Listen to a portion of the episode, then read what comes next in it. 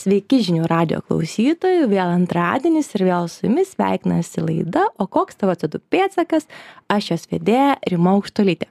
Ir šiandien laidoje svečiuojasi mano kolegė Rita Liokaitytė, tai yra ryšių reguliavimo tarnybos, geležinkelio ir pašto reguliavimo grupės vadovė.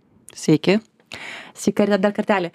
Ir te, nekartą sakėm, kad reikia ateiti, nes aš labai noriu pakalbėti pašto pašto sektoriaus tvarumo tema tikriausiai reiktų tiksliau taip sakyti taip? Taip.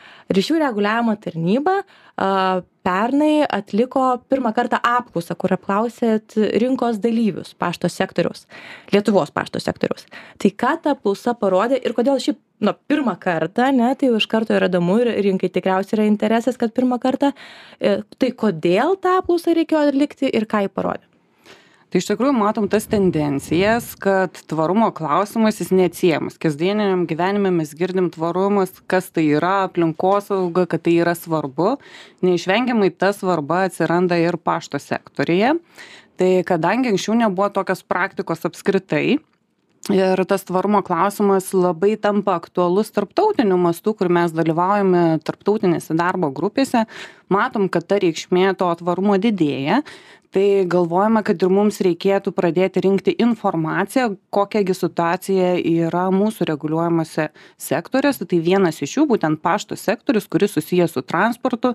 Ir kaip žinia na transportas sukuria tą didžiausią taršą. taršą. Mhm. tai būtent pašto sektorius kadangi didžioji sudedamoji dalis yra transportas tai irgi pašto sektorius sukuria tam tikrą co du. Tai tikrai yra aktualu pasižiūrėti kokios tos praktikos yra taikomos e, kaip tos įmonės nusistato tikslus ar jie turi kažkokias tai metodikas kelia tam tikrus tikslus ar vis tik lietuvoje mes galbūt atsiliekame nuo tarptautinių tendencijų.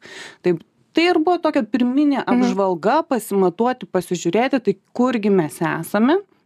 Ir ta apžvalga iš tikrųjų parodė tai kur mes esame? Taip kur, kur mes esame ir kad iš tikrųjų mes labai nesiskiriame nuo tos tarptautinės visos erdvės kas yra ir kitose šalyse tai iš tikrųjų apklausa ir parodė kad dvidešim procentų tai yra pačių didžiausių įmonių tas top penketukas galima sakyti yra tai jie jau galvoja apie tvarumą. Tai jiems yra svarbu. Mes iš apklausos supratom kad jiems nesvarbu ne tik dėl verslo pačio modelio bet jie jaučia ir atsakomybę prieš visą visuomenę. Tai reiškias kad ne tik vykdyti verslą iš to gauti pelną bet ir kiek aš esu atskaitingas tai visuomenei tai galim pasidžiaugti kad tos didžiosios kompanijos aišku tos didžiosios kompanijos dauguma jos yra turi tarptautines tas motinines įmones jos yra dukterinės daugumoje lietuvoje tai jos jau turi tą supratimą standartus tam tikrus ir keliasi sau tikslus. Kita grupė iš tikrųjų apie trisdešim šešis mhm. procentus tokios yra vidutinio dydžio įmonės. Tai jos supranta tą reikšmę e, aplinkos tvarumo tačiau visos tos priemonės taikomos jos yra labiau galbūt tokios fragmentiškos atskirais elementais nėra tokios nuoseklios metodikos. Bando taip kažką taip bando tai yra bandymai pirmieji žingsniai pasiskelbimas informacijos tik tada toks kyla klausimas klausimas na o pavyzdžiui pagal kokią metodiką yra nustatomas tas rodiklis kuo remiantis nes didžiosios kompanijos jos jau rengia ir tam tikras ataskaitas kuriose gali įvertinti kiek ta paskelbta informacija galėtų būti aktuali ir mhm. jinai iš tikrųjų nėra tas tiesiog pasiskelbimas E, viešoj erdvėj kad aš esu gražus ir madingas taip sakant bet kad tai yra reali vykdoma praktika na ir aišku yra dalis jau visiškai tos praktiškai mažosios įmonės mažieji pašto paslaugų teikėjai kurie iš tikrųjų galvot galbūt dar tik pradės apie tą patį tvarumą ir ruoštis nes reikia nepamiršti kad tvarumas taip tai yra gerai bet norint būti tvariam neišvengiamai reikia ir didelių finansų. Investuoti kitaip tariant. Taip. Investuoti ir ne visi mažieji yra pasiryžę tai daryti. Ne tai kad pasiryžę tai yra iš esmės finansų klausimas. Jeigu tu gyveni su ta mintimi kad tau tiesiog reikia verslą turėti ir išgyventi mhm. tai yra vienas dalykas. Bet jeigu tu vystai verslą tu turi ilgalaikius strateginius planus tai neišvengiamai vienas iš tavo strateginių tikslų jis tampa tas aplinkosauginis klausimas. Pavyzdžiui kitas gali būti socialinis klausimas nes tvarumas apima daug veiksmų ne tik būtent co du emisijos mažinimo klausimą. Pavyzdžiui na ar ar tu įsivaizduoji kad reguliuotojas galėtų reguliuoti ir tvarumo klausimą? Nes kol kas tai buvo pirmoji apklausa taip jūs susirinkote duomenis. O kur tai veda? Ar ir toliau tiesiog palaikyti pulsą ir žiūrėti kur tai eina nes ar tai yra kažkokia didesnė ambicija ir ir koks būtų lūkestis? Galbūt yra reguliuotojų kurie jau kažką daro yra daugiau pažengę tai va čia yra sudėtingiausias pats atsakymas į šitą klausimą dėl to kad tvarumo klausimai jie reguliuojami iš tikrųjų horizontaliai. Tai ne tik pašto sektorius Mhm. yra reguliuojamas yra reguliuojami ir visi kiti tiks e, sektoriai nes keliami bendrieji tikslai. Nu pavyzdžiui europos sąjungos mastu tas žaliasis kursas keliamas tikslas iki dvidešim trisdešim turėti e, penkiasdešim penkis procentus co du emisijos sumažinimo dvidešim penkiasdešim mes turim turėti nulį ar ne? Ir tai tikslai visiems yra keliami. Tai pašto sektoriuje tokio išskirtinio reguliavimo visiškai nėra kol kas ir tai yra bandymai suprasti koks būtų mūsų vaidmuo šitoje situacijoje. Tai šiuos klausimus kelia e, būtent sąjungos pašto rinkos reguliuotojai nes mes irgi turime tokį kaip rgp forumą kuriame dalyvaujame europos sąjungos mastu ir jau yra daromos ataskaitos pasižiūrėti kaip vyksta viskas. Tai matome kad pagrindinės iš tikrųjų tik yra pirmieji žingsniai. Galima ant vienos rankos pirštų suskaičiuoti kiek kažkas padarė yra veiksmų.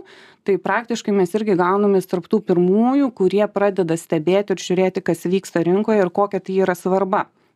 Tai galima paminėti pavyzdžiui belgijos reguliuotoją kuris pradėjo irgi rinkti informaciją tai paskelbė savo metinėje ataskaitoje.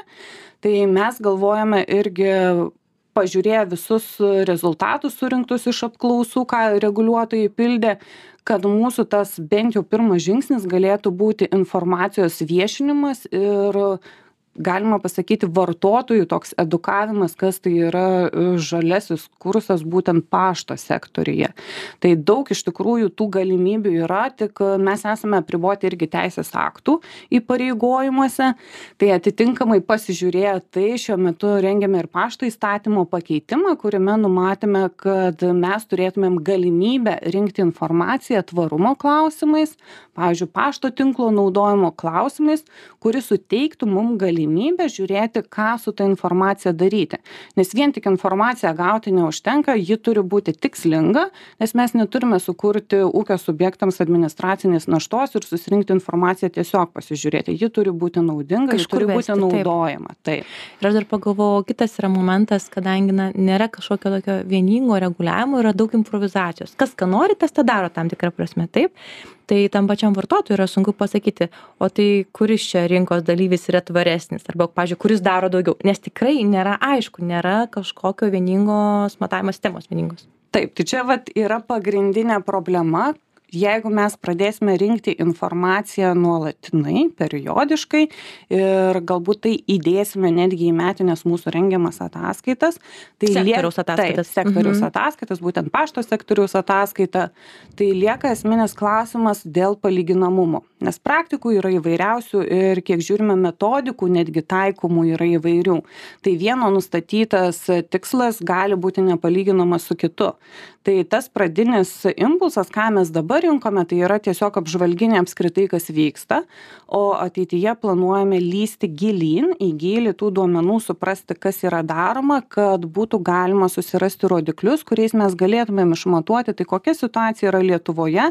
ir kuris galbūt pašto paslaugos teikėjas pirmauja šitame žalumo kurse ir yra ir lyderis varžybose tam tikrose kurios neslėpkim vyksta taip. Taip varžybos visada vyksta nes mes skatiname konkurenciją. Tai norisi kad ta konkurencija taip pat būtų skaidri ir vartotojas būtų informuotas ir suprastų kas tai yra nes girdime tikrai pas mus elektrifikuotas parkas mes galbūt pastatus darome kad žalioji energija būtų naudota kiti rūpinasi pakuotės kad būtų geresnės ar ne?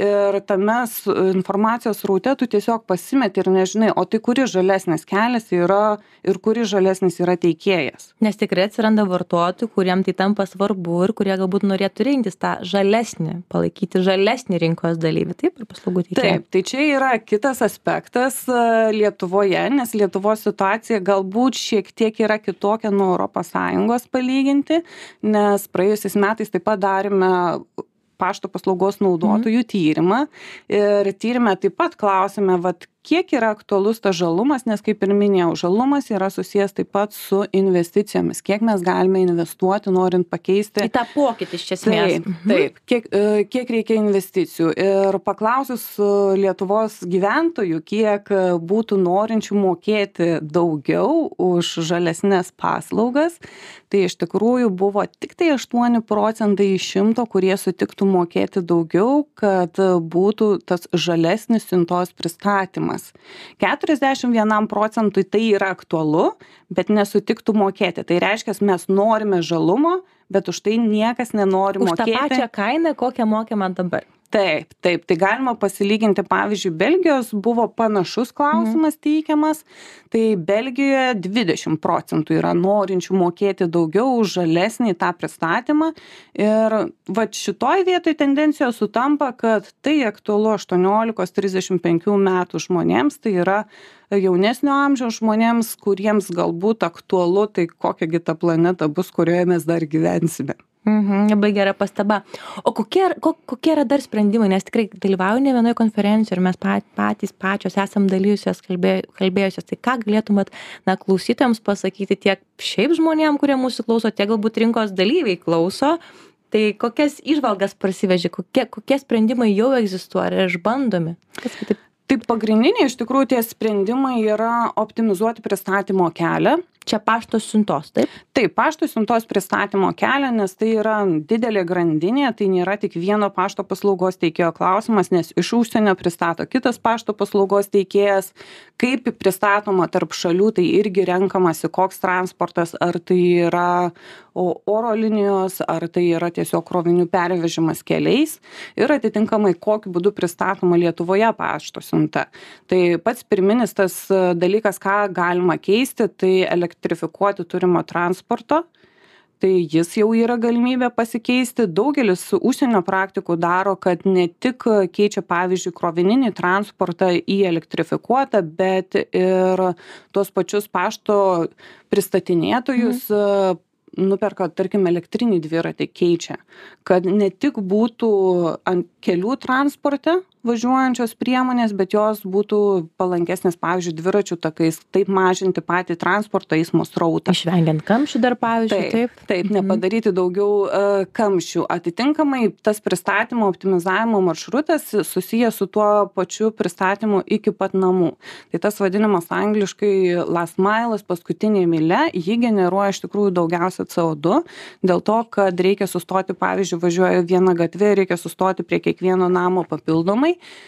tai bent jau tarptautinėje erdvėje matuojama kad paštomatų statymas jis e, sumažina tą co du emisijos tai paštomatai yra tvariau negu pristatinėti į namus kiekvienam mūsų. Taip nes e, buvo ir tarptautinėj konferencijoj pristatyta tai būtent rumunijos kalbėjo vienas pašto paslaugos teikėjas kad įdiegus paštomatus ir atsisakius visiškai pristatymo iki durų e, galima per dieną sumažinti trisdešim kilogramų co du. Tai aišku tas skaičius yra toks atrodantis įspūdingai tik klausimas pasimatuoti kiek tai turėtų būti. Nes per mėnesį jie skaičiuoja kad jie tris kartus netgi susimažina e, co du e, kiek jiem reikėtų pristatinėti iki durų. Tai va čia tas pristatymo grandinė ji yra labai svarbi ir pasirinkimo būdas bet kad tai galbūt link to einam nes ir lietuvoj paštomatų tinklas yra plečiamas. Nuolat kartais taip taip. visoje lietuvoje. Taip tai praėjusių metų pabaigoje mes turėjome virš tūkstančio penkių šimtų paštomatų tai tikiu kad dvidešim trečių metų rezultatas bus dar geresnis nes rezultatus mes gausim sausio mėnesį finalinius ir mes esam vieni iš tikrųjų tarp pirmaujančių europos sąjungos šalyse. Galbūt tai lemia kad vis tik lietuviai labiau yra prie šiauriečių kur reikia mažesnio kontakto kad pašto skyrius nėra tik pabendravimas o tiesiog ateiti atsiimti siuntą. Tai tai yra tikrai ta plėtra kur mes matome galimybę. Už tai mes norime ir keičiant įstatymą sudaryti sąlygas kad pašto paslaugų teikėjai galėtų derėtis tarpusavyje dėl paštomatų panaudojimo.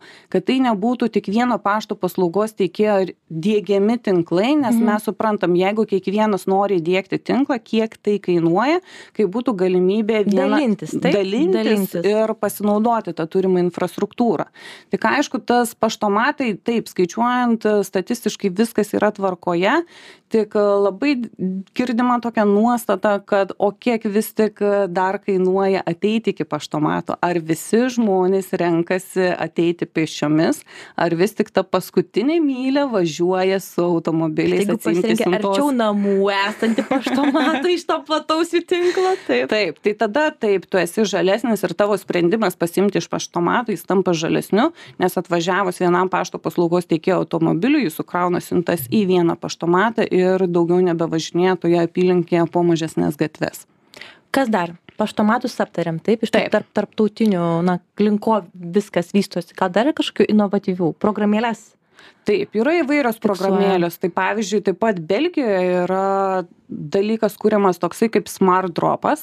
Ir tenai yra skaičiuojamas pats kelias, koks tavo variantas siuntos pasirinkimo būtų pats žaliausias. Tai reiškia skaičiuojamas atstumas, skaičiuojama transporto priemonė ar koks kūras yra naudojamas. Tai yra galimybė vartotojui pačiam įsivesti savo adresą, pasižiūrėti, koks sprendimo kelias būtų pats tvariausias.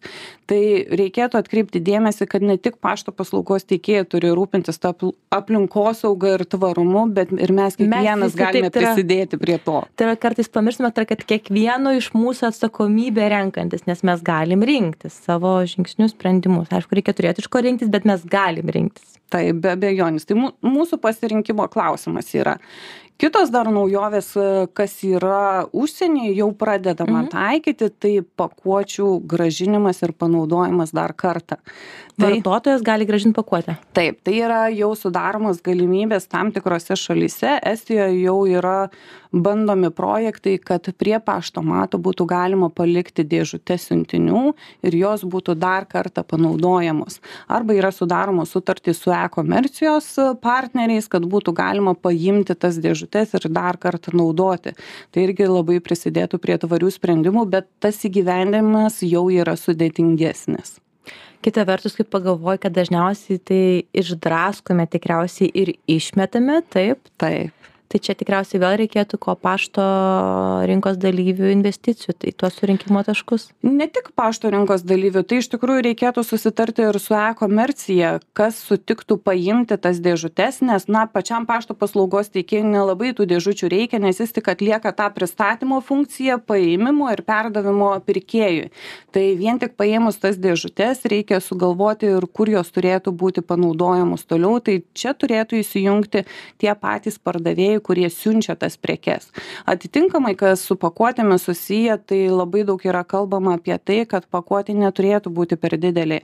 Ir dar viena dalis, kas susiję su pašto sektoriumi, tai kad e-komercija galėtų galvoti, pradėti Mhm. galvoti apie tai, kad užsakymus formuoti ne kiekvieną atskirai, bet jeigu pirkėjas e, persigalvojo ir dar už valandos sugalvojo pirkti papildomą prekę, kad ta prekė keliautų vienoje toje siuntoje, vienoje pakuotėje, o ne atskirais užsakymais. Tai va šito dalyko taip pat reikėtų, nes taip sumažintumėm ir patys rautą pristatymo, ir tos pakuotės būtų pilnumoje išnaudojamos. Aš nežinau, ar pati tiek domiesi, bet tarkim, na, stebėdamas sektorių, ar matai, kad įmonės kartais, na, nori pasigirti per daug ir to tokio yra gyrimos arba žalio smegenų plovimo? Ar tai yra sprendimai, na, kurie yra tikrai ve- verti vadinti tvariais sprendimais? Šitoj situacijoj būtų sunku pasakyti, nes mes dar tik pradėjome žiūrėti. Tai kol dar nežiūriu pro padidinamą į stiklą, tas pirminis toks vertinimas yra ir atrodo, kad viskas kaip ir tvarkoje, kad pas mus nėra tos e, marketinginės strategijos, kad aš tiesiog žalis ir dėl to pasimsiu visus vartotojus. Nes ką įrodo apklausa, kaip ir rūpi tas tvarumas, bet ne visiems, nes praktiškai pusiai gyventojų tai dar nelabai rūpi. Tai čia tokia dar yra nišinė strategija, jeigu tu naudotum kaip marketingo strategiją. Ačiū tau ir tai labai. Klausytojams, kurie buvo šiandien su mumis, primenu, kad laidoje O koks tavo atsidų pėtsakas svečiavosi ryšių reguliavimo tarnybos, geležinkelių ir pašto rinkos reguliavimo grupės vadovė Rita Liokaitytė. A, Kalbinau ją aš, Rima Aukštolytė, kaip ir minėjau, esu Ritos kolegė ryšių reguliavimo tarnyboje ir ką atsisveikinu su jumis iki kito antradienio. Iki.